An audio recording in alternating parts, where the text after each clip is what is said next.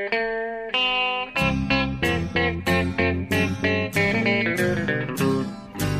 out there, we're on the air. It's hockey night tonight.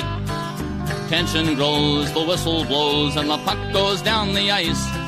The goalie jumps and the players bump, and the fans all go insane. Someone roars, Bobby scores at the good old hockey game.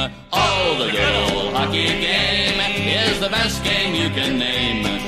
The best game you can name is the good old hockey game. Hallå, hallå, hallå, hallå allihopa! Då är det dags för ett nytt NHL-avsnitt eh, igen. Poddavsnitt ska jag säga. Det är 124 i ordningen. Kommer ganska snabbt efter det förra faktiskt. Men nu, nu kör vi igen. Eh, och eh, Per Bjurman hälsar jag välkommen från New York. Hur är läget? Tack, det är fint. Eh, det är valdag här i, i ja, just USA. Det. det är ju valdag idag. Oj! Ja, så att, eh, det är lite, eh, lite nervöst och spänt här. Ja. Och värre kommer det bli framåt kvällen. Eh, ett, eh, ja, vi ska inte bli alltför politiska här, men låt mig säga att eh, Låt mig vara frank och säga att eh, jag skulle se det som en fullständig mardröm om Donald Trump vinner. Så att eh, Ja. jag håller alla tummar jag har för eh, den andra.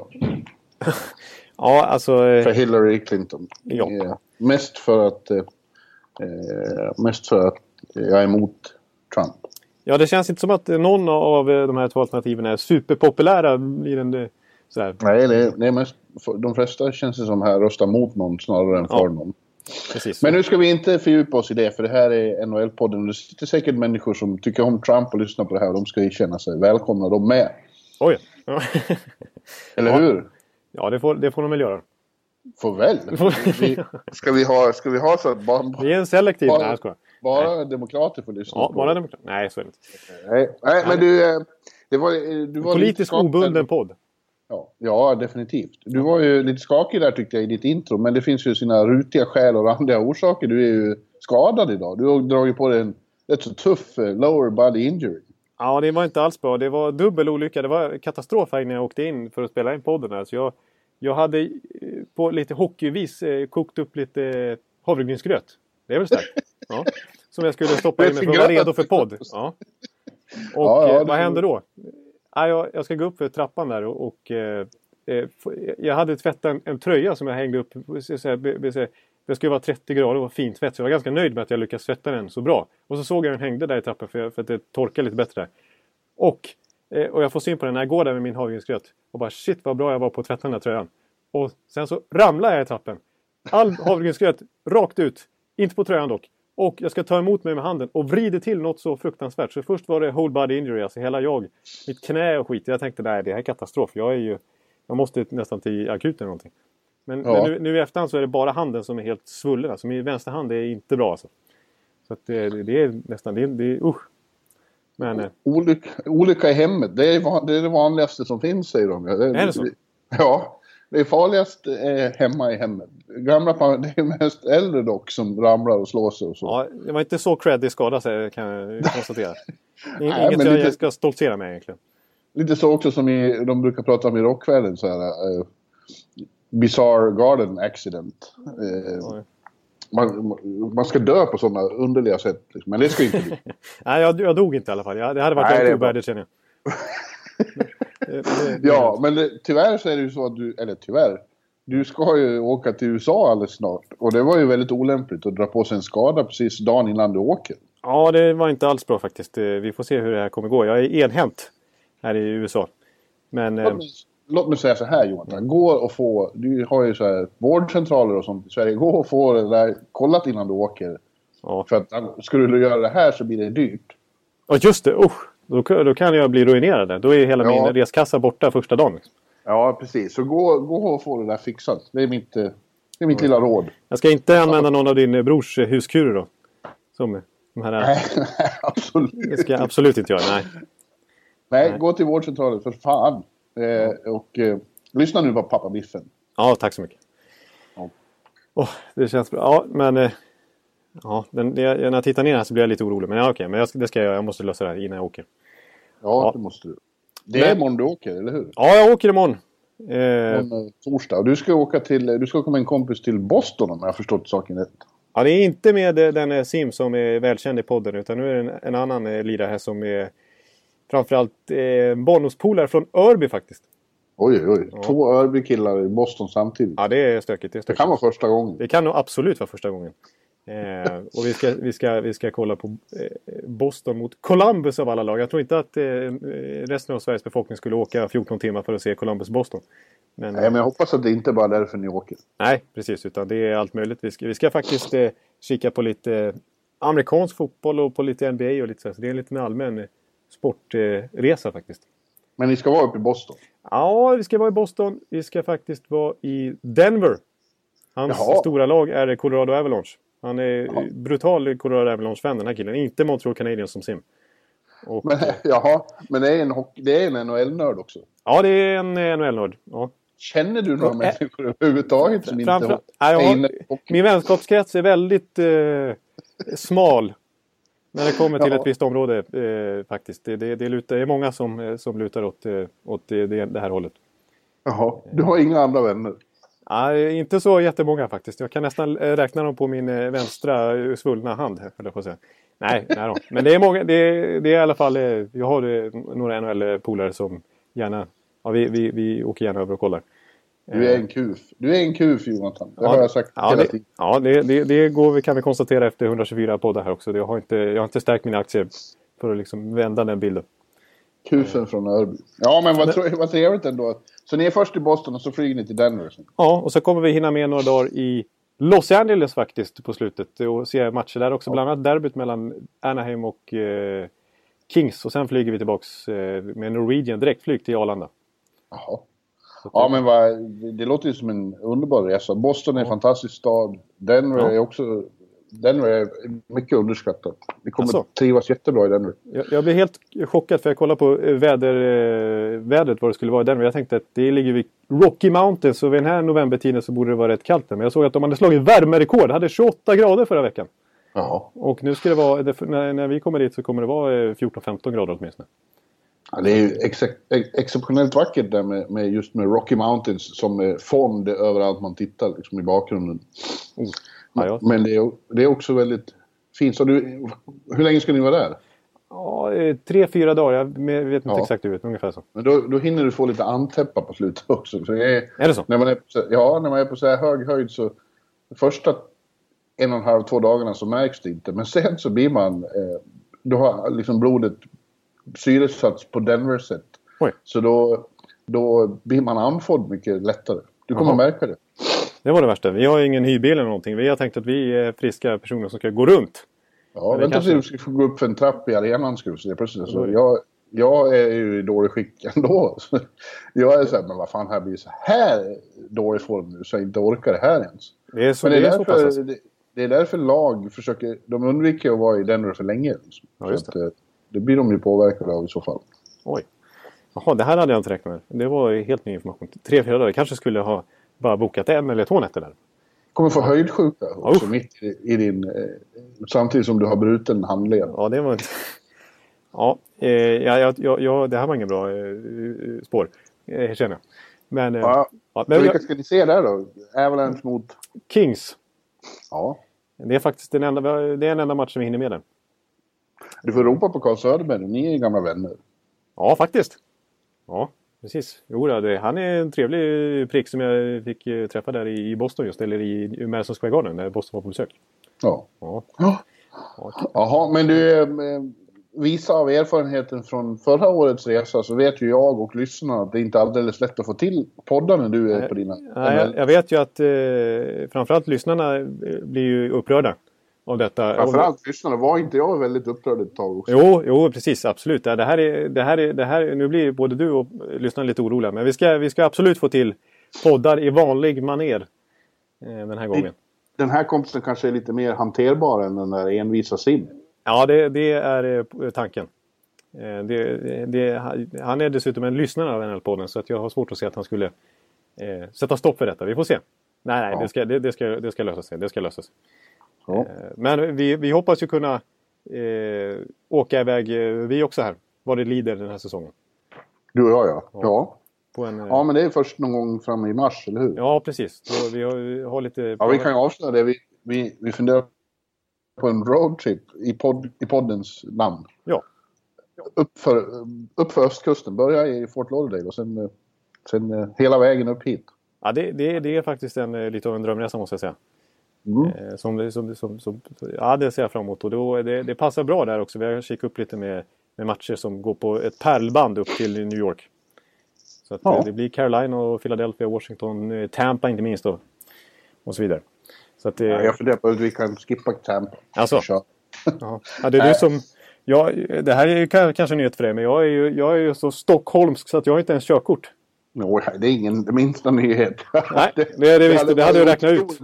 Det hade varit otroligt chockerande om du hade haft körkort. Ja, just det. Inte bara för att du är stockholmare utan för att du är Jonathan Ekeliv. Ja, det är klart. Det är sant. Det, det, är, det, är- det är två. Det är dubbel, du, tudelat det. Plus Ja. att du kanske inte hade vågat, även om jag har haft körkort, är jag kanske för stor. Du kanske inte vågar sitta i ja, det- passagerarsätet.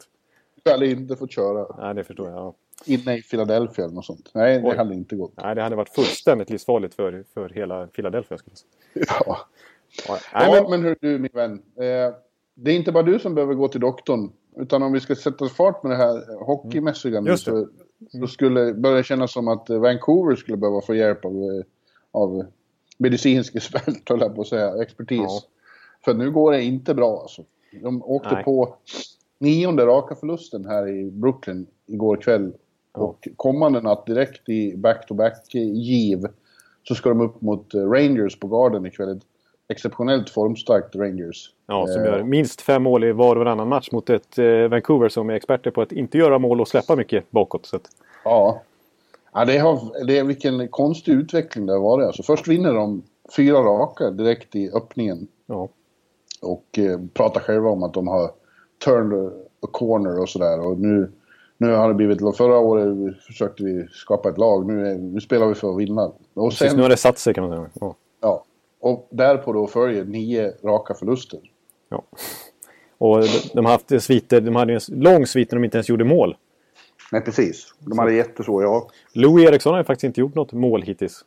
Nej. Men det är, det är hela laget som, som hackar ganska ansenligt. Det var jag inne på förra veckan att Willie Desjardins jobb är förmodligen inte det säkraste i NHL just nu. Nej, det kan det inte vara. Nej. Det måste nästan, fortsätter det här så måste ju något göras och eh, ja, då är det ju väldigt lätt att byta tränaren till att börja med. Ja. Även om jag som sagt har en liten förkärlek till honom. Jag gillar eh, hans eh, hockeyfilosofi men han lyckas ju inte hantera det här Vancouver-laget som på pappret inte är så starkt och som vi var inne på inför säsongen att vi tippar dem just sist i väst- västra konferensen, i alla fall sist i Pacific. Med Ja. låga procentchanser till att nå slutspelsplats. Och Det är klart, materialet är ju inte klockrent och det är tufft för Sedinarna och Louis. Och de har ett, bär ju en extrem börda offensivt där. Ja, nu har ju inte... Ja, det är... Det, Louis har själv sagt har jag sett att han... eh, Det började inget vidare i Boston heller. Det är svårt eh, Nej. att komma till ett nytt lag och hitta sin roll och hitta rätt kemi och hitta liksom de kedjekamrater det fungerar perfekt med. Och bara för att det har fungerat bra med, eh, med tvillingarna förut i, i VM 2013 tänker man ju framförallt på. Ja. Det, är ju, det är ju ingen garanti att det fungerar sen i NHL också. Det I en är annan miljö. annan- Ja, en helt annan situation. Men... eh, Jag tycker nej, inte Louis har- varit så dålig heller, det jag har sett spelmässigt. Liksom. Alltså, Nej. han, är, han bidrar ju alltid med sitt tvåvägsspel. Liksom. Det är ju såklart ett av problemen är ju som du påpekar att de inte har gjort mål. Men, men det är ju inte det, det stora strukturella problemet ligger ju inte där. Nej. Det ligger att det är för ett, ett klent lag. Ja. Framförallt eh, defensivt. Ja, precis. Och en, eh, en general manager i Jim Benning där som, som inte varit allt annat än lyckad får man säga sen han tog över. Eh, just från Boston flög han ju över för att eh, ordna upp Vancouver. Men på, något sätt tror jag att det också handlar lite om ännu en nivå till, alltså från ägarhåll som vi har varit inne på flera gånger förut. Att de har så extremt hårda krav på, på det här Canucks. De vill ju verkligen inte genomföra en rebuild utan Vancouver ska vinna matcher till vilket pris som helst. Och de sätter hård press på Benning att göra eh, beslut som, som gynnar dem kortsiktigt men som har ställt till det varken, ja, som, har, som har visat sig varken vara bra kortsiktigt eller långsiktigt. Så det har varit en negativ spiral i ett antal år nu.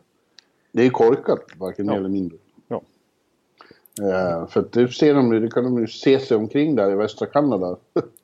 att Ja. eh, de har ju grannar som verkligen har genomgått grundliga rebuilds Ja. och tjänar på det till slut. Att, att de, men det, det, det känns ibland som att Vancouver har, hela Vancouver har en underlig självbild. Ja, Eh, som de här eh, riots när de har förlorat. Ja, liksom. det, är som att hela världen är emot dem och egentligen är de bäst och, det är en förolämpning när de får stryk och att eh, de borde ha vunnit den där finalen 2011 men hade domare och what not emot sig och så. De, det, är något, det är någon konstig attityd där. Ja. Som inte är särskilt vägvinnande.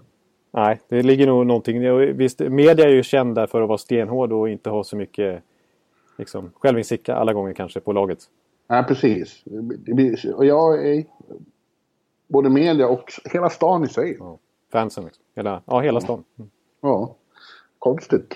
Det är, det är konstigt. Och, när vi, en, de tycker liksom, och då blir liksom bilden att de, de är above re, rebuild. Det ska inte behövas. Vi är så Nej. bra.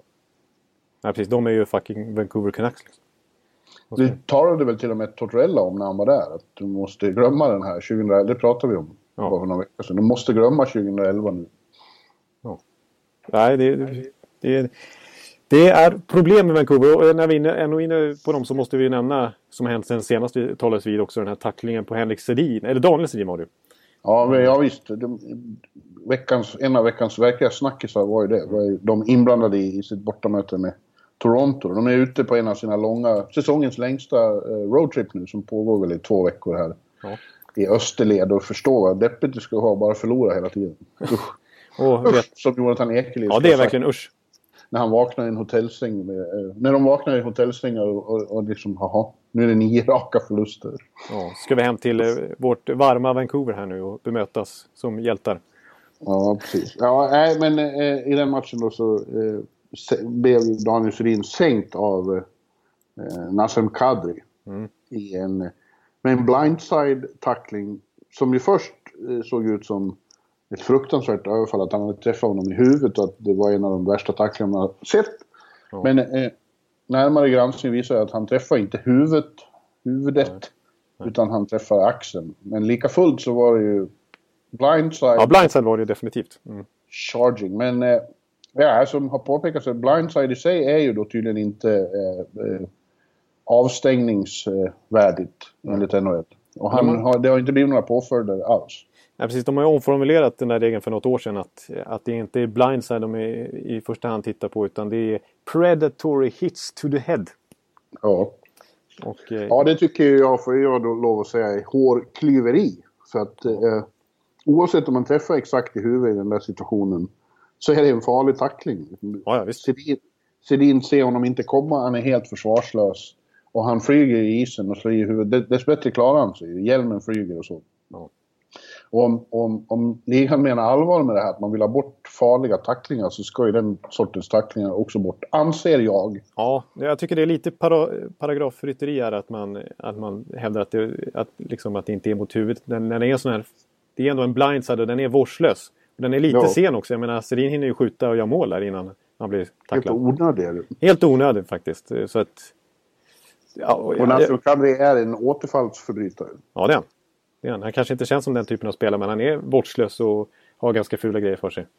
Eh, mm. Eh, och det, jag förstår ju lite grann upprördheten i, i Vancouver. Här är just Jim Benning har ju varit ute till och med med ett officiellt statement där han har sagt att han är mycket besviken på det här beslutet ja. och uttalat sig om att han var i telefonkonferens med ligan eh, nästan hela förmiddagen innan beslutet kom att det inte skulle bli någon påföljd. Och var extremt besviken över argumenten som eh, framfördes honom att de inte lyssnade på hans argument att det var en blindside tackling som hade kunnat sluta riktigt illa om nu inte Sedin hade, eh, hade fallit på ett annat sätt.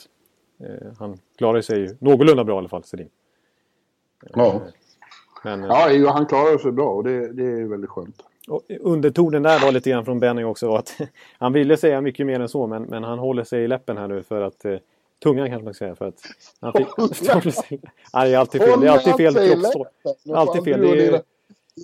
Ekelins... Ja. Ja, jag, jag är alltid fel. Det är inte ens rätt kroppsdel någon gång alltså. Det är alltid... Dina ordstäv måste ju samlas i en bok någon gång.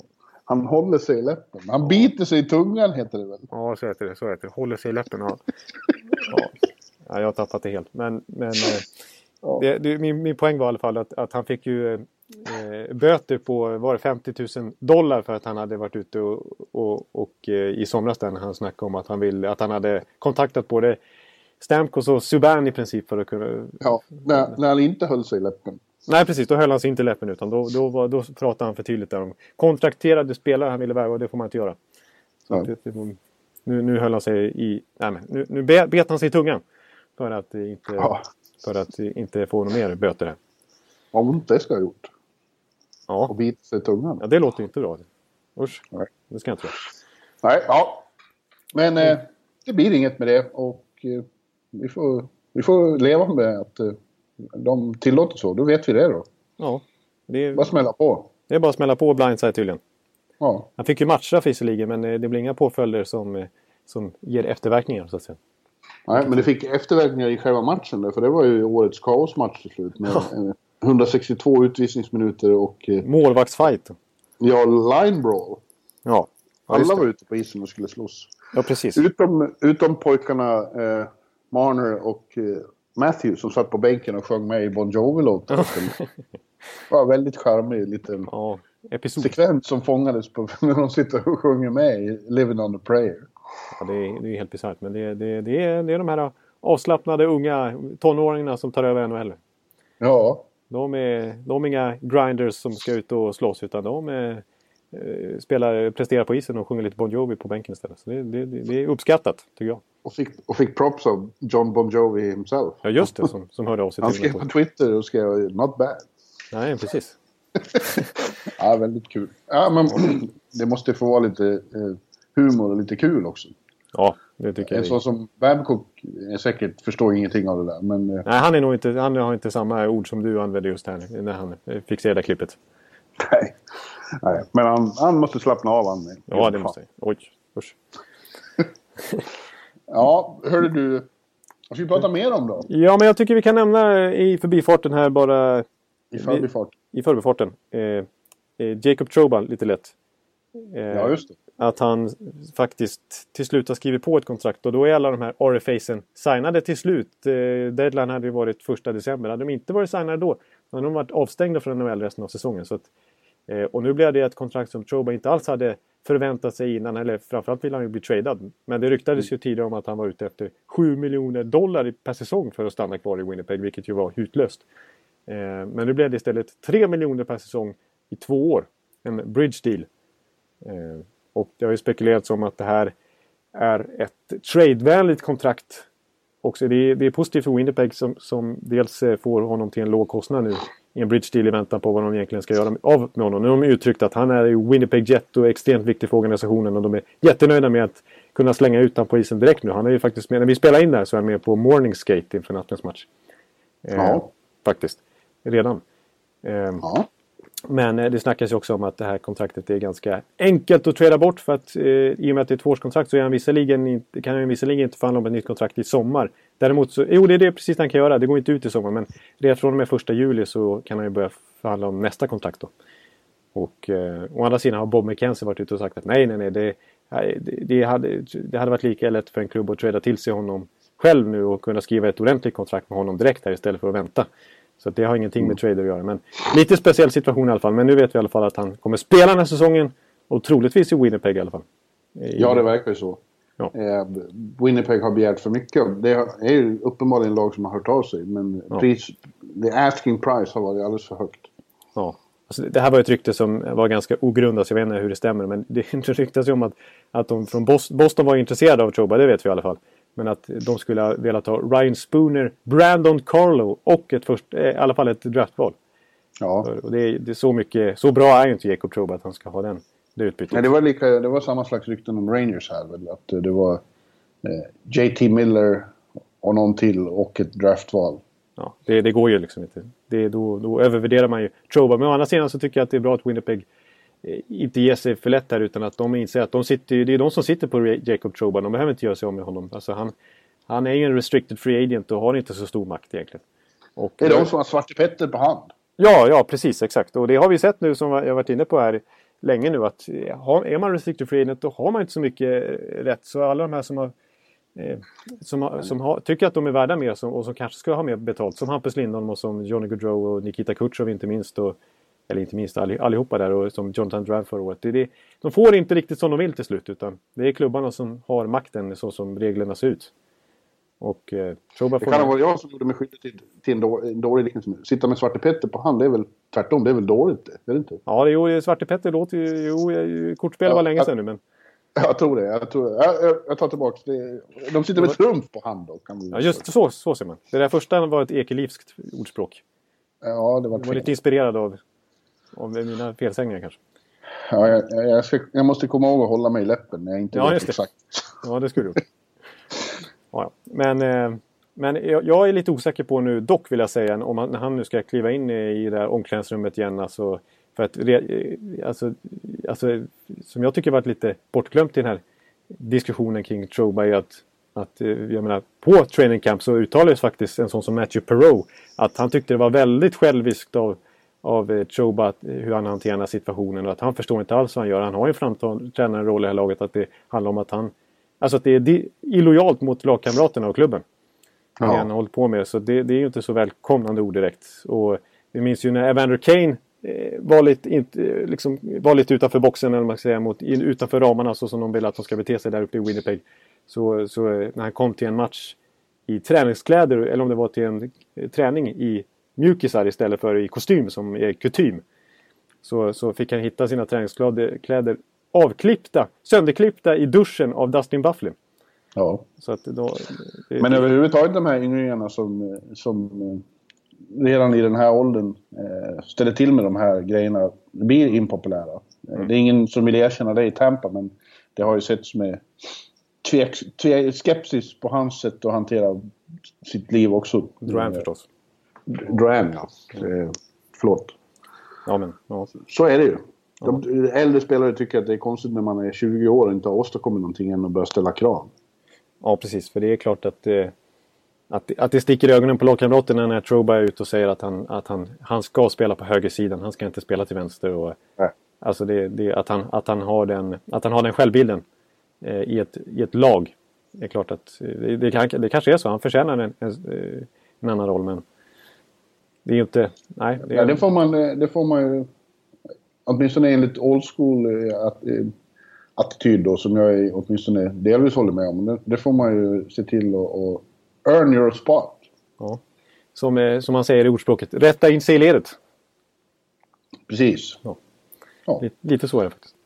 lite jag- så är det. Jag, jag, är faktiskt lite, jag undrar, jag är lite spänd på att se hur, hur, hur det blir med, med Troba här på isen. Hur det kommer gestalta sig. Vi, I Durans fall så blev han faktiskt bättre efter det vilket ju var lite liksom, märkligt. Men han, det är ju en bra Han spelare. var ju väldigt eh, viktig när han kom tillbaka i slutspelet. Precis. Och då, då öppnades det ju en roll i allra högsta grad med tanke på Stamkos skada också. Men eh, ja, återstår att se hur, hur Troba, hur påverkar honom också att det har varit utanför spel så här väldigt länge. Han har ju inte spelat matchen i april. Liksom. Ja, han var ju World Cup förstås. Men, eh, ja. Men Du, nu när vi ändå är north of the border och bara pratar kanadensiska lag så låt oss fortsätta med det. För att eh, i, i, i helgen här så hade vi Edmonton på besök i New York. Jag missade ju matchen på Garden mot eh, Rangers för då var jag i Chicago som bekant. Just det. Eh, Underhållande match var det väl med mycket mål som vanligt när Rangers är i farten. Och även Edmonton naturligtvis. Välspelad och Ja. intensiv. Ja, eh, Rangers var ju mitt uppe i sin... Deras, eh, deras eh, magical siffra nu är ju fem. De har, de har, de har fem raka vinster och de har gjort fler än fem mål, fem matcher i rad. Och det är första gången sedan 78-79 Rangers har lyckats med det. Minst fem mål, fem matcher i rad. Ja, I dagens moderna hockey, som ju, det, där, det görs ju inte det görs ju mycket mål har, har vi konstaterat. Men det är ju inte, det är ju inte de här i närheten. Det är alltså, den moderna hockeyn är ju inte i närheten av 80-tals eh, jämförbar. Så att säga, eller 70-tals. Det görs betydligt färre mål. Att då kunna ha, ha den produktionen som Rangers haft nu i en, flera veckor i rad. Det är ju häpnadsväckande. Ja, men för att återknyta till Edmonton då. Så det, några dagar senare såg jag dem istället i Brooklyn då mot Islanders. Och eh, det var intressant att se det för att det var ju inte... Det var ingen show av, eh, som man kanske förväntar sig nu med McDavid och company. Att det alltid är liksom eh, blixtrande individuella insatser utan de vann istället genom att spela en väldigt bra bortamatch och grinda sig till en seger nästan. Och det är intressant så tillvida att det... eh, Det hände ju inte Edmonton så sent som förra säsongen. Nej, verkligen inte. aldrig under den här långa eran när de har väntat på the oil change. Ja. Men här hamnar de i 2-0 underläge direkt. Eh, men ändå sen kommer tillbaka och vinner till slut på... Eh, ja, det blev väl straffat? Ja, det blev straffat. Ja. ja.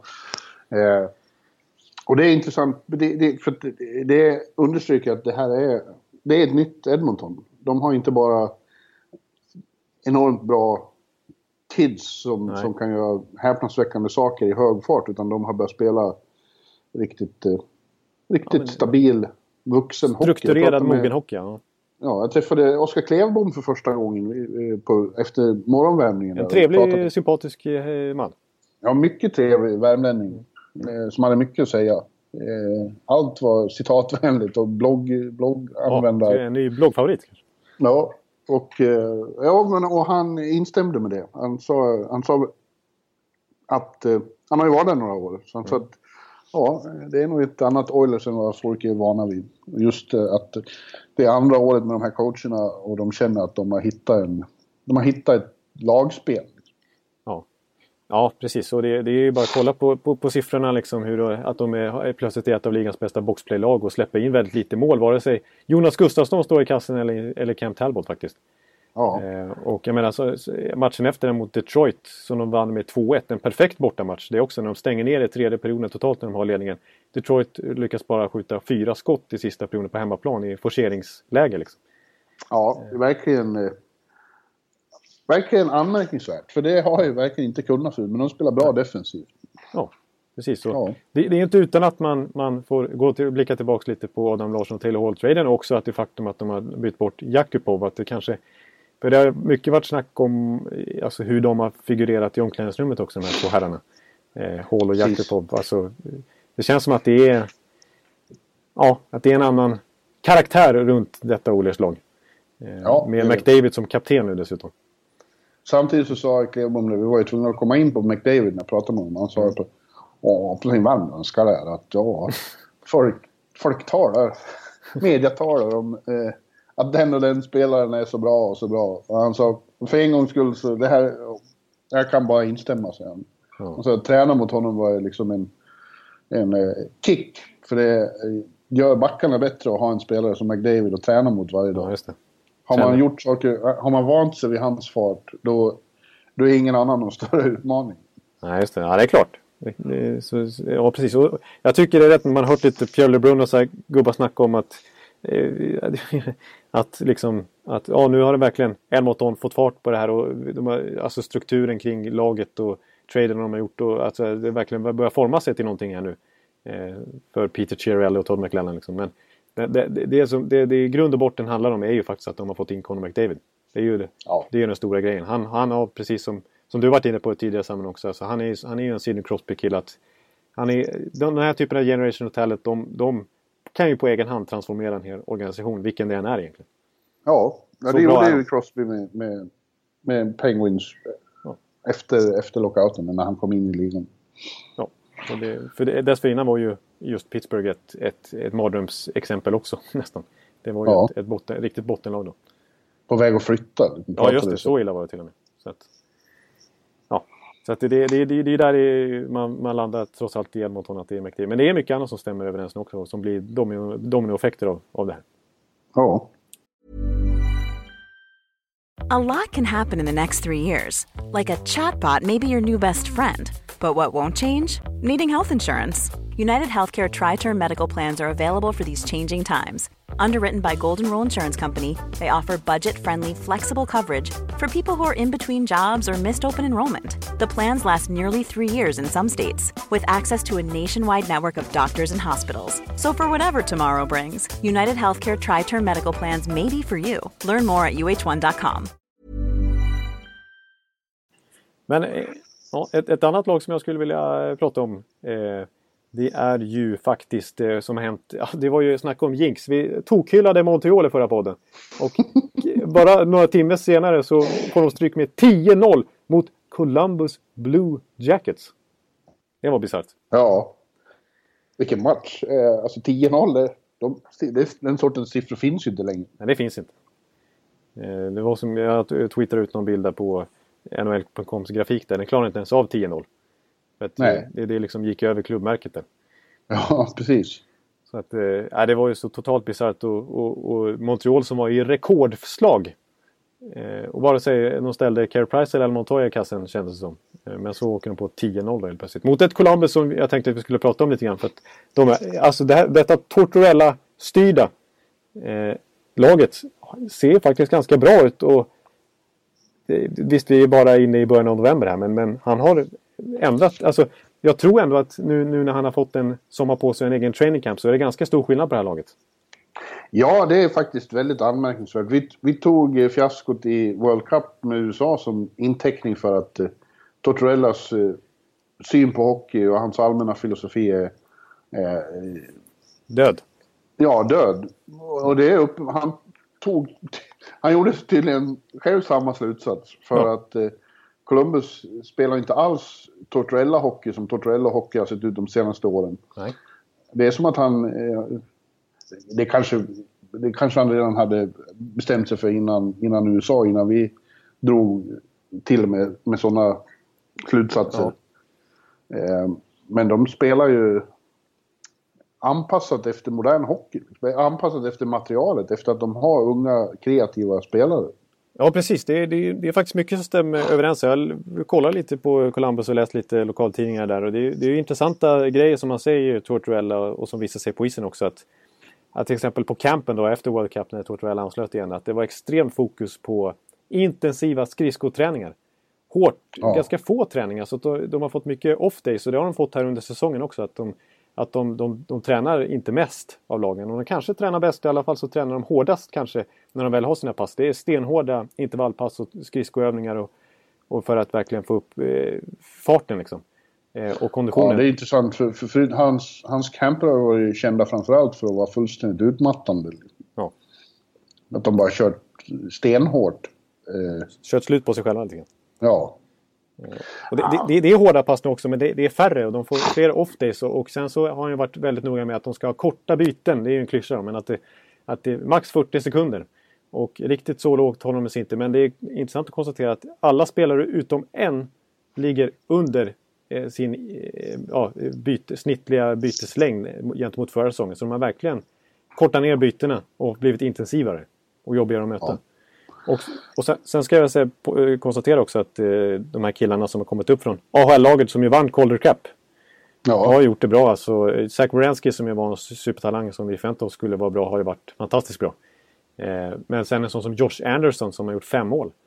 Och, ja, precis. Eh, Lucas Sedlak och några till namn där. Och, och sen så ett, eh, sådana veteraner som Foligno och Bobrovski i har varit otroligt bra också. Men sen måste vi nämna Alexander Wennberg. Ja, Alexander Wennberg. I och med den där matchen mot Montreal där han stod för fyra assist. Dessutom gjorde ett mål som var bortdömt då. Men eh, fyra assist varmed han eh, for upp i ledning i svenska poängligan. Ja. Det är ju lite eh, en skräll. Ja, mycket, det... på den, mycket i den ligan är en skräll just nu, men framförallt det kanske. Ja, det måste vi säga. För vi har inte pratat så jättemycket Alexander Wennberg i den här podden och inte inför den här säsongen heller. Även om vi visste att eh, utan Ryan Johansson så har det varit en väldig lucka där i topp 6. Eh, för Brandon Dubinski är ju ingen första center egentligen, det visste vi alla. Så att det fanns ett hål att fylla där. Och tanken är väl att Pierre-Luc Dubois ska göra det på sikt.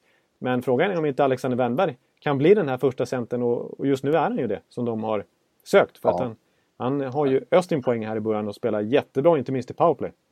Han är underskattad av oss för att det är ju en väldigt intelligent framförallt spelare. Mm. Ja, det är. Eh, men det är ju för att vi så sällan ser på och pratar om Columbus och att de förra säsongen var så... Klappkassa? Eh, ja, de var så borta redan från början så det fanns ju inte att diskutera. Nej. Men det är ju väldigt roligt att, att eh, det går bra för en sån kille. Ja, precis. Även eh, Wild Bill Karlsson är ju en favorit hos Tortorella. Ja, just det. ja, också... William Karlsson. Precis, han har också varit bra här i början. Men jag, jag, jag läste också om, om Wennberg där att att där har också Tortorella varit på honom med lite med sin typ av eh, hockey. Dels vill han att han ska spela intensivt och liksom eh, ge sig in i hårt trafikerade lägen och sådär. Faktum var att för, förra säsongen tog det 64 matcher innan Wennberg ens drog på sig en två minuter. Ja. Och eh, nu var Tortorella helt lyrisk när, när Wennberg blev utvisad. Yes! Du tog en utvisning. Du var, inte, du, var, du var tuff, du var lite elak. Bra. Och här mot, Colorado, eller mot St. Louis kanske det var, eller det var någon match här tidigare, så, eh, så slog han faktiskt ut en tand. Och då kom han tillbaka till båset. Tortorella, yes! Du slog ut en tand!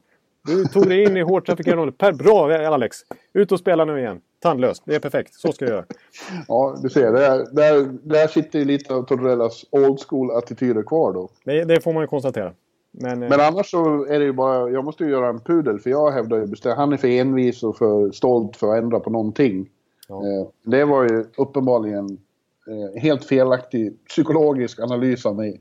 Eh, han har anpassat sig och det sägs ju nu till och med att han har återigen anammat parollen som han hade i Tampa när han var mm. coach där och ledde dem till Stanley Cup att... Eh Safe is death.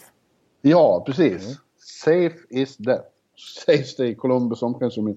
Och det är ju, här i New York så fick man ju blick mörkare än Donald Trumps hjärta. Eh, om man, de som vågade ta upp den devisen. Ja, just det. ja, precis. Nej, men eh, och jag, alltså, det här känns som en svunnen tid. Dels för att jag var ganska liten då. Och, eh, dels... Du är fortfarande ganska liten. Ja, jag vet. Jag vet. Och dels, dels för att det, det är ju 10-15 år sedan han var framgångsrik i Tampa Bay när de vann Stanley Cup 2004. Men på den tiden så tog, var, tog det också något år innan han verkligen fick vi ska minnas att han kom in i Columbus mitt i säsongen i fjol och då är det svårt att liksom totalt ändra grundspel. Nu har han varit, får vara med i en hel camp här och sätta sitt, eh, sin prägel på laget. Och mm. eh, i Tampa så, så snackades det så väldigt mycket om att när han väl fick sätta prägel på laget så gjorde han hela klubben extremt mycket mer professionell än vad det varit tidigare. För det var ju ett riktigt haveri just då, Tampa Bay i början av 2000-talet. Och Fredrik Modin har ju till och med omnämnt eh, eh, Tortorella som den proffsigaste och bästa tränaren han någonsin har haft. Och, ja, eh, till mig har Modin sagt att han glömmer aldrig vad, vad Tortorella fick dem att göra, som han uttryckte det. Mm. Mm. Ja, exakt. och faktum är att eh, nu är det klart det går bra. Det är enkelt att, att eh, prata bra just nu. Men man, man har ju citat från Nick Folini och Scott Hartnell som säger att det är en helt annan, mycket proffsigare prägel i allt kring Columbus Blue Jackets nu än vad de har vant sig vid tidigare i, i, klubb, i organisationen. Ja, vi får se hur det ser ut. Eh, det är bara några veckor kvar till Thanksgiving och ja. då har du lovat, lovat att då har tabellen satt sig. Ja, precis. Och oroväckande för Columbus del där så har ju Seth Jones nu gått och blivit skadad i tre veckor så han kommer vara borta till den där magiska datumet. Så han kanske ja. ramlar ner här nu.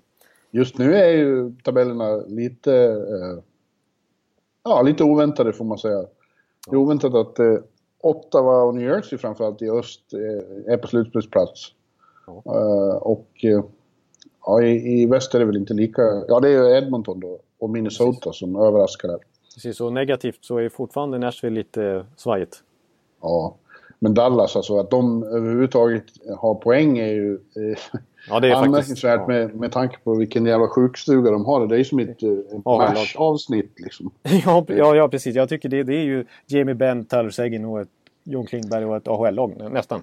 Ja, ja, det är ju det. Alltså, de har långtidsskador på, på Janmark, Hemski, Sharp, eh, Cody Eakin. Ja. Nu även Hudler och Spetsa borta. Ja, det, det är helt bisarrt alltså. Ja, senaste matchen fick de ju använda Patrik Nemeth som forward för att det var så ont om spelare i, i laget. Ja. Nej, det, det, det, måste man ändå konstatera att de ligger faktiskt på en wildcard-plats just nu, Dallas. De har ja. haft de här problemen alla veckor av den här säsongen och det, tyvärr för deras del har det faktiskt blivit sämre och sämre snarare än bättre och bättre. Ja, med skador? Med skador, med skador ja, precis. Men spelmässigt ja. så håller de sig flytande. Jag satt faktiskt och tittade igår. Jag börjar bli lika nördig som du. Jag satt och tittade på te Texas Stars, det farmarlaget. Som är det sant? Det är ju helt bisarrt. Austin. Och det är ändå spännande. De har rätt mycket bra unga talanger där. Ja. Ja, inte minst Julius Honka. Ja, men även eh, en svensk back, eh, vad fan heter han nu då? Ja, är det Ludvig Byström? Ja. Mm. Vad, ja vad kan och, och Bäckman har de där också. Ja, precis. Bäckman är ju intressant. Men vad kan du berätta om Byström? Ja, Byström, han är ju inte pur ung längre i den bemärkelsen att han är någon tonåring eller 20. Jag, jag tror att han är 23-24 någonting. Han har ju spelat några säsonger i, i Färjestad bland annat, öl från Övik. Om jag inte är helt ute och snurrar. Eh, en, en, väldigt lovande back kommer jag ihåg när, när han kom fram där som 16-17-åring. Sen så levde han inte riktigt upp till förväntningarna i svensk hockey. Men har väl eh, gnetat på rätt bra där borta i AHL några säsonger nu. Så att han är nog inte alls långt borta från att eh, kunna få en eh, ordentlig chans i NHL också. Likaså Bäckman, Bäckman tycker jag. Är väl också Ja, Bäckman är ju en spelskicklig tvåvägsback med en offensiv uppsida. Han är äldre än Byström. Han är två år äldre. Så pass till och med, ja. Tvåa, 92 Bäckman. Byström är 94. Ja, ja. Ja, det, är, det, är, det är kvalitativa backar som skulle vara toppbackar i SHL båda två, ingen snack. Och det var ju För inte tala om, som sagt, om Julius Honka. Jag vill att han ska komma upp. Ja, namn, namnet är ju fantastiskt och kvaliteten på spelarna är ju, är ju spännande också. Ja, men det är framförallt forward som är skadade. Så det är ja. Exakt. Det är, ja. kanske blir det... Det, måste, det grym otur för dem. Ja, det kanske blir som forward som vi får se Honka till slut. Då. Ja. Eller Byström. Ja. Men... Eh, ja.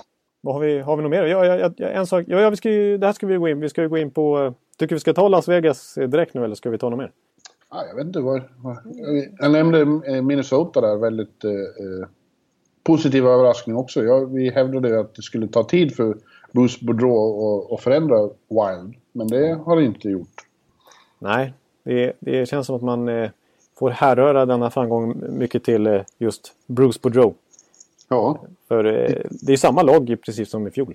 Spelar, ditt, ditt favoritlag i väst? ja, jag har ju någon konstig slags förkärlek till Minnesota Wild. Det är helt oförklarligt. Men jag tycker, ja, med Bordeaux, hockeyn har inte gjort det sämre direkt. Utan jag tycker att de kan ha riktigt bra buzz i offensiv zon. Spela en ganska modern hockey med snabb transition game och liksom eh, jobbar hårt i alla delar av banan liksom. Och eh, checkar högt och pressar och även kan backa hem och vara ganska komprimerade. Så, eh, så att jag, jag, jag är imponerad av Minnesota hittills. Ja. Det, är ingen, det är ingen snack om det. Nashville var vi inne på redan förra säsongen, att det, eller förra avsnittet, om att eh, det kan vara en, en spricka där. Eller eh, åtminstone är det eh, akklimatiseringsproblem här i början med, med Subans inträde i laget. Dynamiken i omklädningsrummet. Ja, och det är också anmärkningsvärt faktiskt fortfarande. Efter 11 matcher nu så har Filip Forsberg fortfarande inte gjort mål. Eh, och ja, det, jag börjar fundera på om, om, de, om han blev halvförstörd av World Cup, av, av de, eh, att det började illa där. Ja. Att det sitter, sitter i huvudet på honom. Ja, att det, att det blev lite, exakt, lite järnkrämpor där på något vis. Eh, järnkrämpor? Ja, det ser jag. Alltså, vad håller jag på med för ord? Det är bedrövligt. vad är det för ord? Ja. Järnkramp. Järn, järnkramp? Ja. Ja. ja. Ja, men det, måste, det, det, känns ju helt bara så att får han bara in sitt första jävla mål så, så löser det sig. Ja, så kan det lossna. lossna. Det måste ju göra det. Han är ju målskytt framförallt. Ja, precis. Men, ja, men du, jo, vi pratade ju om det att eh, Las Vegas, ja. Eh, det, det är lite intressant, man går på matcher här så ser man vilka lag som har sina eh, scouter på, på plats i, i på pressläktaren och det står St. Louis Blues och det står Detroit Red Wings och det står Anaheim Ducks. Och så står det Las Vegas Hockey Club. Ja. de har ju fortfarande inget namn, men ja. de har redan scouter ute på arenorna och kollar inför, framförallt inför sin, inför expansion draft i juni då. Ja. Och det är lite, det, det, det kommer att bli extremt intressant att se vilka spelare, jag har väl förklarat det här förut att de övriga 30 lagen kommer att få skydda X antal spelare, en målvakt. Ja, två, två alternativ. En målvakt, tre backar och sju forwards. Alternativt en målvakt och åtta utespelare. Ja. Eh, och, och, det betyder ju att ganska stora delar av grupperna hos de övriga lagen. Och sen, sen kommer de att få plocka en spelare från, från varje lag. Ja, precis. De måste, de måste ta en från varje lag. Precis en. Ja, och sen är väl eh, under en viss ålder eller viss eh, restricted är skyddade automatiskt. De får inte plocka. Ja, ja, två års, eh, har man bara spelat två år i ligan eller färre så är man automatiskt skyddad. Ja, precis. Så de får inte plocka massa coola yngel. McDavid är automatiskt skyddad till exempel. om, de, om de nu mot förmodan inte hade skyddat honom ändå. Ja. Eh, så att... Eh, och sen får de ju fördel i vanliga draften också. Va? Ja, det, det, kommer de få. De kommer, de kommer vara med i lotteriet så de kommer inte automatiskt få något första val och sådär. Men de kommer ju vara med i lotteriet eh, och, och, och, kunna ha chansen på ganska hög procents chans att få ett tidigt val. Så är det ja. eh. Men vad vi tänkte var på att börja titta lite på vilka spelare klubbarna inte kommer att skydda och vilka som kommer att vara tillgängliga därmed för Las Vegas Hockey Club. Ja. och vi tänkte, du har framförallt tittat på vilka svenskar som kan tänkas eh, hamna i den situationen och bli aktuella för, för Las Vegas. ja, det känns som att vi Vilket, kommer... ju, vilket ju jag drömmer om att det ska vara några heta svenskar. Ja, jag kan, Absolut, och det kan jag så jag konstatera. kan uppehålla mig i Vegas hela tiden. Ja, ja. Nej, men det, det, det är risk eller chans hur man nu ser på det för de här spelarna att, eh, att det är ett antal svenskar som, som absolut ligger i den här zonen att kunna bli plockade. Eh, för att det, det här är ju en, en väldig process som man skulle kunna grotta ner sig ordentligt i och vi skulle kunna ägna två poddar åt det här egentligen så vi får hålla det ganska komprimerat. Ändå. Och det är ett- svårt med alla system och så här att visa och åskådliggöra på ett tydligt sätt i en podd så här. Men man kan konstatera till exempel att i Anaheim Ducks så är det ju väldigt, eh, tro, eller väldigt troligt ska jag inte säga, men det, det är absolut troligt i alla fall att Jakob Silverberg kan bli blottad. Ja. Eh, för att eh, problemet är att alla spelare med No Movement Clause är automatiskt skyddade. Eller, de, eller de, de är inte automatiskt skyddade utan de måste skyddas av, av de här sju Ja, forwards just till exempel, eller tre backar. Så det går inte att komma runt. Om nu inte spelaren går med på att häva sin ja, om de vill bli plockade själva. Liksom. Eh, så, och i det här fallet så i Anaheim till exempel så är, har ju Kevin Bjäxa en no movement clause. Det har även Ryan Kessler, Corey Perry och Ryan Getzlaff. Och Bjäxa ställer ju till det lite grann för att de vill ju skydda Fowler, de vill skydda Lindon och de vill skydda Vatanen. Och det är ju fyra backar och ena, ena alternativet var ju bara tre backar och sju forwards. Andra, back, andra alternativet är ju fyra utespelare. Och, eller fyra, ja åtta Ja. utespelare precis. Och då, då, kan, då kan du skylla alla fyra backar där. Men eh, det gör ju att det blir ju några odd man out av forwards. Och eh, det, det kanske står mellan Rakell och Silverberg i så fall. Ja. Och, Och, eh, då, då skyddar de väl kanske Raquel som är yngre och Lite Eh. mer offensiv uppsida vad det har känts som hittills faktiskt. ja, ja faktiskt. Eh, så Ja, Sil- intressant. Silverberg är ju ett jättebra val för Las Vegas i så fall. Man kan väl fråga sig som en passus här, de som inte blir skyddade och inte blir plockade, hur roligt kommer det att vara kvar? Ja, jag menar exakt. Alltså. Oj. Och då måste vi, äh, när du säger det så måste vi faktiskt gå in på det här, det här som är sensationellt eh, kanske man kan eh, tycka faktiskt. Det är ju just Detroit Red Wings där vi har många svenskar som i spekulationerna troligen blir oskyddade och det är ju en liten hård passning mot dem. Och en, det absolut mest anmärkningsvärda namnet i så fall, det är faktiskt Henrik Zetterberg. Som inte har någon no movement clause i, sin, eh, i sitt kontrakt. Är det sant? Nej, han har faktiskt inte det. Vilket ju är lite märkligt. Han har ju, och han har ju kontrakt till, vad är det, 2022 någonting. Och det är det som är Ja, problemet. men de Alltså- två, två sista åren har han ju en miljon och en miljon. Och det har han väl nästan eh, klargjort att han inte tänker spela dem då. Nej, precis. Och det, så det är frågan. Alltså, Detroit vill ju inte släppa honom gratis, så är det ju. Men eh, samtidigt så har de ändå möjlighet. För, för, han kommer ju fortfarande ha en hög capita. Så att frågan är om, om de då värderar då att bli av med hans kontrakt snarare än spelaren på sikt. Om det kan vara bra att hålla han öppen då. Eller om, eller om Ja. de väljer att skydda honom. För det, han är fortfarande en viktig spelare för dem. Och det är ju, en, det är ju oundvikligen en dålig signal mot Zetterberg om de inte skulle skydda honom. Ja, det är det minsta man kan säga åt sin, om sin kapten. Ja. Exakt. Men, eh, men det är ju inte någon lätt situation där för Ken Holland. Och tänk... han skulle inte vilja det själv. Det kan jag, Nej, det kan jag verkligen- det jag kan jag verkligen lägga ord i munnen på Henrik Zetterberg, men jag tror inte han drömmer om att bo i Las Vegas. Det känns inte som Zäta. Nej, det, det har jag en känsla av också. Alltså, Kronwall har, som jag förstår det, har en Men, och men, men Bjurre Biff skulle ju vara i, i, extas. i Las Vegas hela tiden och följa honom. Ja, nej, men ett annat, ett annat svenskt, eh, ja, det andra svenska namnet, Jonathan Eriksson, kommer med stor sannolikhet att inte skyddas heller med tanke på hans kontrakt. Eh, och andra spelare i det laget, Jimmy Howard, Justin Advocator kanske.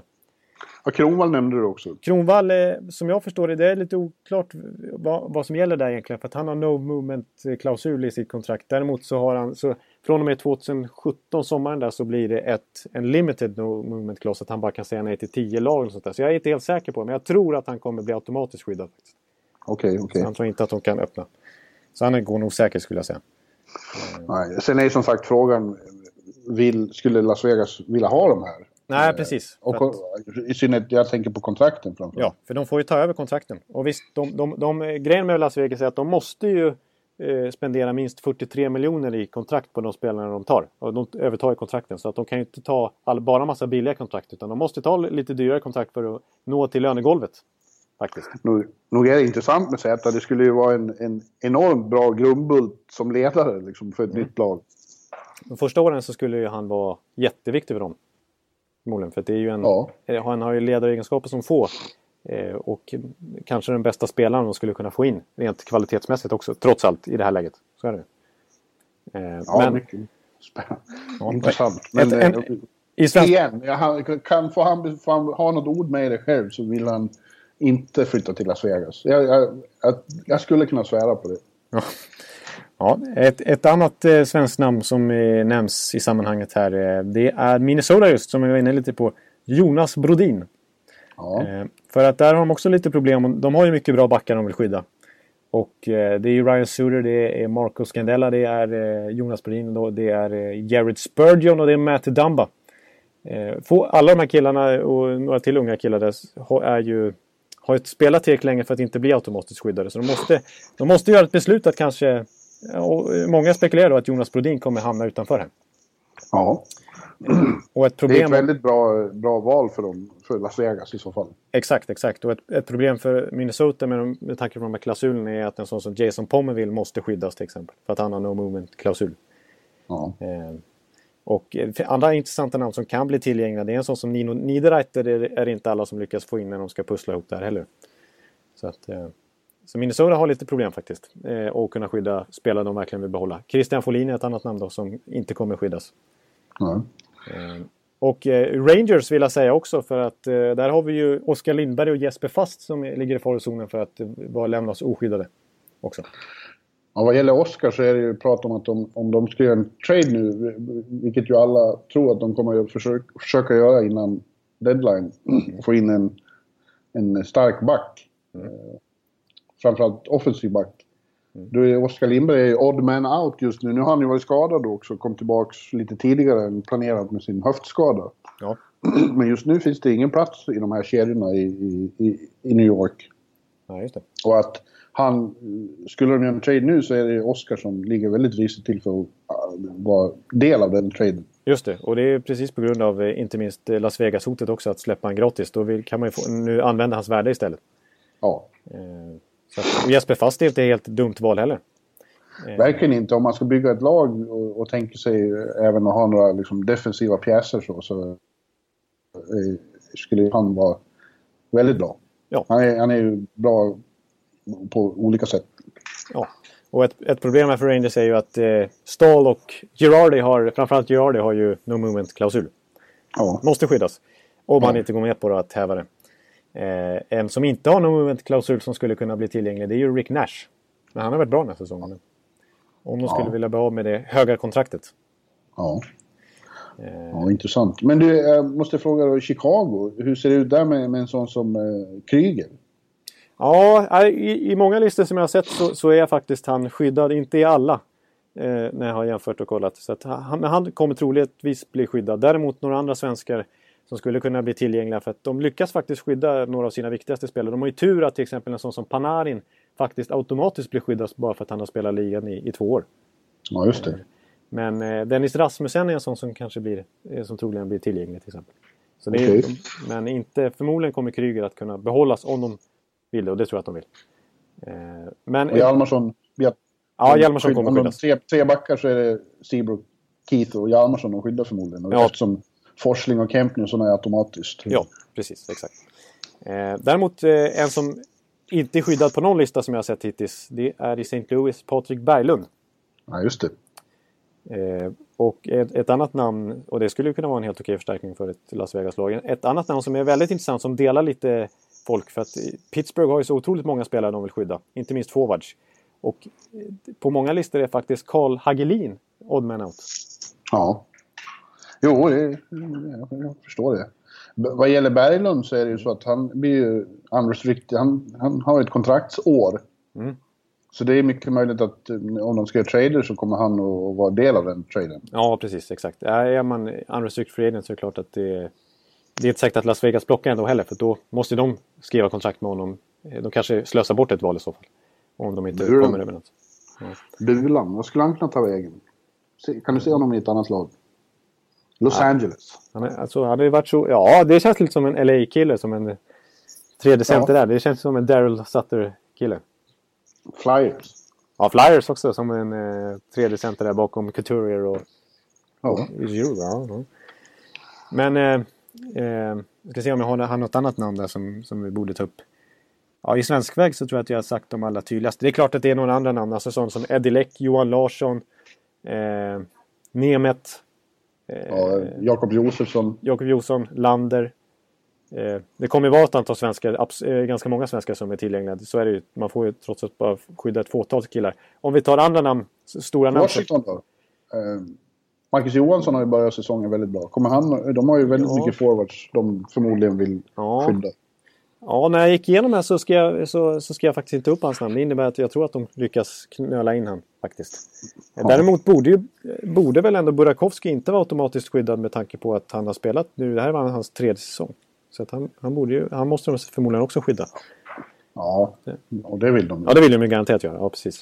Ja, men för vilka andra namn har du? Ja. Alltså icke-svenska liksom? Ja, alltså det är mycket målvakter framförallt då. Det är ju eh, till exempel Matt Murray och eh, Mark-André Fleury är ju ett knepigt läge. Och eh, här snackas det om ett, om ett loophole som kanske Pittsburgh kan använda sig av.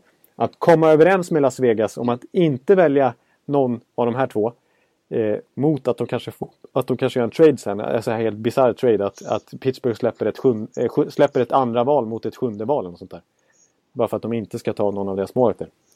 Eh, ja. Och, andra, på andra sidan har det, har det spekulerats i att eh, ta den här spelaren så får ni det här draftvalet eller sånt där. Att de kommer försöka komma överens med Las Vegas om vilka, vilka de ska ta och inte ta och i sin tur få draftval som kompensation. Eh, och sen har det varit lite snack också om, och det här är ju frågan om hur stort, hur liksom förnedrande det här är för spelarna i fråga. Men att, att man just kommer fråga killar med no, no movement-klausuler att inte skyddas för att de ändå inte kommer bli plockade och på så vis kan man skydda någon annan viktig spelare. Så att, ja, just det. Så det, det, det, det, är inte, det är inte helt satt i sten de här reglerna. Det går att kanske komma runt dem eh, med hjälp av att eh, förhandla med Las Vegas eller med spelare i fråga. Men, mm. men eh, en sån som eh, Varlamov tror jag många kommer vara öppen med tanke på att annars måste de släppa Calvin Picard som de har ganska höga tankar om i Colorado. Eh, och eh, i Tampa Bay är det ju faktiskt problematiskt eh, på forwardsidan där eh, troligen kommer man behöva hålla spelare som Kilorn och Namesnikov öppna. För att, ja. för att Callahan och Filppula sitter på no movement-klausuler. kanske till och med Ondrej Palat, vad vet jag. Så att eh, det, det, det, det är ganska många lag som har lite problematiskt här faktiskt. Ja. ja, men det, den här expansion draften, det kommer ju att vara spännande det kommer att vara. Liksom. Det, när det här drar ihop sig. Oj, vilket snack det kommer att vara för oss och för alla liksom, när, när det börjar närma sig eh, jul där, eller juni. Ja. Det är 17 ja. juni tror jag att det är sista dagen. 17 juni är ett visst klockslag, som, jag tror om det är fem på kvällen lokalt tid och sådär, så måste alla lags listor till Las Vegas vara inlämnade. Och ja. sen tror jag att Las Vegas har till den 20 juni, alltså tre dagar på sig, att eh, lämna in sin lista på vilka de eh, väljer. Och det kommer vara ett stort eh, event då när det avslöjas. De spelarna. Ja. Eh, och eh, lite intressant apropå Las Vegas kan vi nämna att de har ju faktiskt plockat, tyvärr för vår del, så tvingas de ju stänga ner General Fanager. Extremt användbar ja, cap-sida på grund av att ägaren och drivaren av den sidan har blivit värvad av Las Vegas. För att han är så otroligt skicklig på kollektivavtalet och på att bygga eh, lätt, lättförståeliga, lättanvändliga system för eh, att hantera lönetaket. Ja. Eh, så att de, grejen är att nu, samlar, nu ska de samlas en gång i månaden. Första gången var nu i oktober. Hela Las Vegas-staben med alla scouter och med general manager-killen och med general manager George McPhee och så här. För att göra en draft för sig själva. Hur de tror att det kommer bli. En gång i månaden fram till att det är dags för att verkligen bygga sig en bild av vilket lag de kommer ha. Ja. Att, eh, mm. jag, ser, jag ser oerhört mycket fram emot första matchen där i eh, oktober nästa år. T-Mobile Arena. Ja, den har jag ju sett. Ja. Eh, eftersom jag var där på Cast Books show, show i juni. Men den första matchen, det kommer ju vara ett, en happening. Förmodligen ja. Eh, Los Angeles Kings. Just det. Oj, oj. Ja, det ser jag fram emot också. Shit alltså. Ja, det, och det ska bli så intressant. Det, det, det snackas om att det 22 november tror jag är datumet för när vi till slut får reda på vad laget ska heta och hur deras tröja kommer se ut och logotyp och sådär. Jag tycker de ska heta Las Vegas Hockey Club. Ja, det vore lite kaxigt liksom. Ja. Jag gillar det. Jag gillar det. Men det kommer bli någonting med Knights. Förmodligen Desert Knights eller Golden Knights eller något sånt där.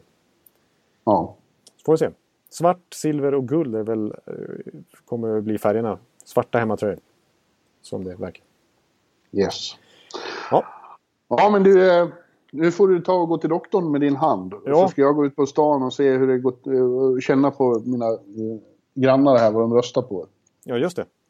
Det är en intensiv dag i, i USA som fortsätter här förstår jag. I allra högsta grad. Ja, det blir jävligt spännande att följa i, i natt det här. Jag skippar hockeyn, jag skippar eh, Rangers Canucks. Eh, för jag måste följa det här. Ja, jag förstår det. Och jag är väldigt spänd på vilket land jag, vilket, vilken typ av land jag landar i. Eh, här på onsdag Ja, kväll. precis. Om det är total kaos på gatorna när Trump har vunnit. Vi får se. Men för, ja, i Boston kommer det inte vara någon kaos. Eh, men, men du, eh, det är ett, eh, en rekommendation att du försöker få koll på den där handen innan du åker. Annars blir jag ruinerad. Ja.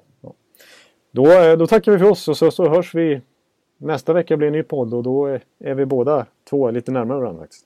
Ja, ser fram emot. Fysiskt. Det blir mäktigt. Ha det så gött alla lyssnare och eh, god eh, valnatt önskar vi. Yes. Och eh, trevlig hockeyvecka. Hej, hej! Hej hej! Hallå, hallå, hallå. Hallå, hallå, hallå. Alex Chiazot, Joe Luis Arena och Esposito. Esposito. Uttalsproblem, men vi tjötar ändå. Och alla kan vara lugna, inspelningsknappen är på. Bjuder Hanna Kohl, han är grym i sin roll. Från Kållesoffan har han fullständig kontroll på det som händer och sker. Det blir ju allt fler som rattar in hans blogg. Och lyssna på hans podd. One, two, times speed, so Hallå, hallå, hallå. One, two, times speed, so Hallå, hallå, hallå. Ekeliv, som är ung och har driv. Verkar stor och stark och känns allmänt massiv. Han hejar på Tampa och älskar Hedman. Sjunger som Sinatra. Ja, oj, där ser man. Nu är det dags för refräng. Dags för magi, Victor Norén. Du är ett geni. Så stand up at home and remove your hats. Höj volym, för nu är det plats. One, two, times speed, so Hallå, hallå, hallå. One, two, times speed, so Hallå, hallå, hallå. One, two, times speed, so Hallå, hallå, hallå. One, two, times speed, so Hallå, hallå, hallå. Det er utroligt længe siden mor, der samtidig også har råd. Hallå, hallå, hallå. Det er utroligt længe siden mor, der samtidig også har råd.